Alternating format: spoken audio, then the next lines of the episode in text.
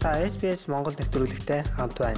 Бусад сонирхолтой нэвтрүүлгүүдийг SBS.com.cg Mongolian вебсайтаас хүлээн аваарай. Сайн байцгаана уу сонсогчдоо.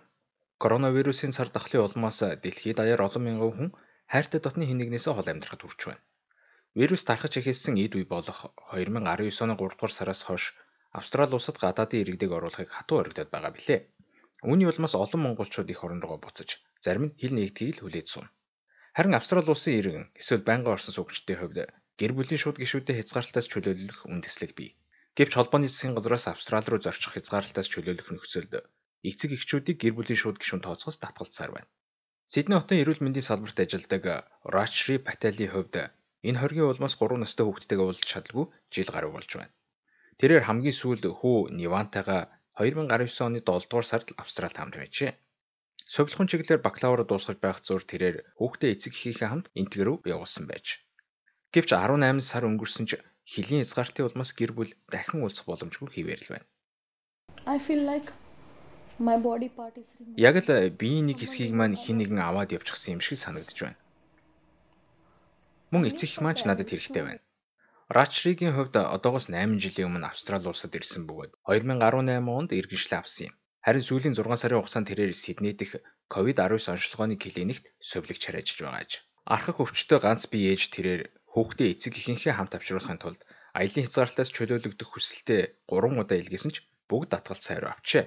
Гэвч Австралийн шилж хөдөлгөөний зохицуулалтаар шууд гэр бүлийн гишүүн гэдэгт эхнэр нөхөр хамтран амьдарч үр хүүхэд хууль ёсны асран хамгаалагчид багтаж байгаа юм. Харин эцэг өхчүүдийн хувьд үнд багтаагүй.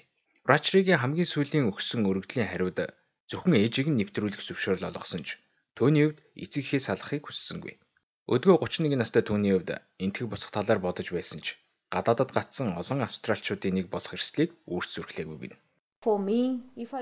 Миний хувьд буцаад явчихвал эндх түрээсийг маань хэн төлөх вүлээ. Хэрэг би тэндээ 6 эсвэл 4 сараар гацчихвал энд байгаа бүгдээ зарах хэрэгтэй болно. Бас ажиллаач алдах болно. Роя Саламатагийн хувьд энэ зовлонг мэдэх нэгэн.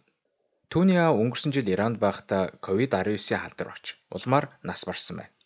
Австралийн иргэн гэдэг утгаараа тэрээр Иранд цор ганцаараа байгаа ээжигээ аялын хязгаарлалтаас чөлөөлөх хүсэлтэд гаргасан ч хоёр удаа татгалцсан хариу авсан байна. This is very important for uh, Шилжин сууршиж буй иргэдийн хувьд дуу хоолойгоо хүргэх нь маш чухал юм а. Тэдний хувьд үүнээс болж маш их зовж байна. Улсын хэмжээнд ийм байдалд орсон олон гэр бүл эсэргүүцлээ илэрхийлээд байгаа. Тэдний компани энийг дэмжиж 11 мянган гаруй хүн гарын үсгээ зурсан бөгөөд үүнийг нь арчсан намаас сонгогдсон парламентын гишүүн Силия Хаманд өнгөрсөн 11-р сард холбооны парламент танилцуулсан юм а. Энэхүү өргөн барих бичгийн хариуд дотоод хэргийн яамны хэвлэлийн төлөөлөгч дараах тайлбарыг бидэнд өгсөн юм. Тэрээр засгийн газраас энэ хүндрэлийг хүлээн зөвшөөрч байгаа. Мөн гэр бүлтэйгээ дахин уулзахыг хүсэж буй явдалд хүндэтгэлтэй хандж байгаа. Гисэн хэдий ч эцэг эхийг аяллаа хязгаарлалтаас чөлөөлүүлэхийн тулд шууд гэр бүлийн гишүүн гэсэн тодорхойлолд оруулах ямар ч төлөвлөгөө байхгүй байгаа гэж хэлсэн юм. Харин үүнийг хангалттай бишээ гэдгийг хөлбөрийн намаас сонгогдсон парламентын гишүүн Жулиан Хил хэлж байна. If the Prime Minister had showed leadership Хэрэг өнгөрсөн жил ерөнхий сайд манлайлалаа харуулж ажлаа зөөх ёсоор хийж карантины асуудлаар хариуцлага хүлээсэнсэн бол бид энэ нэмэх зэгцгүй байдалд орохгүй байлаа. Мөн энэ олон гэр бүл урт хугацааны турш салангад байхгүй байх байлаа.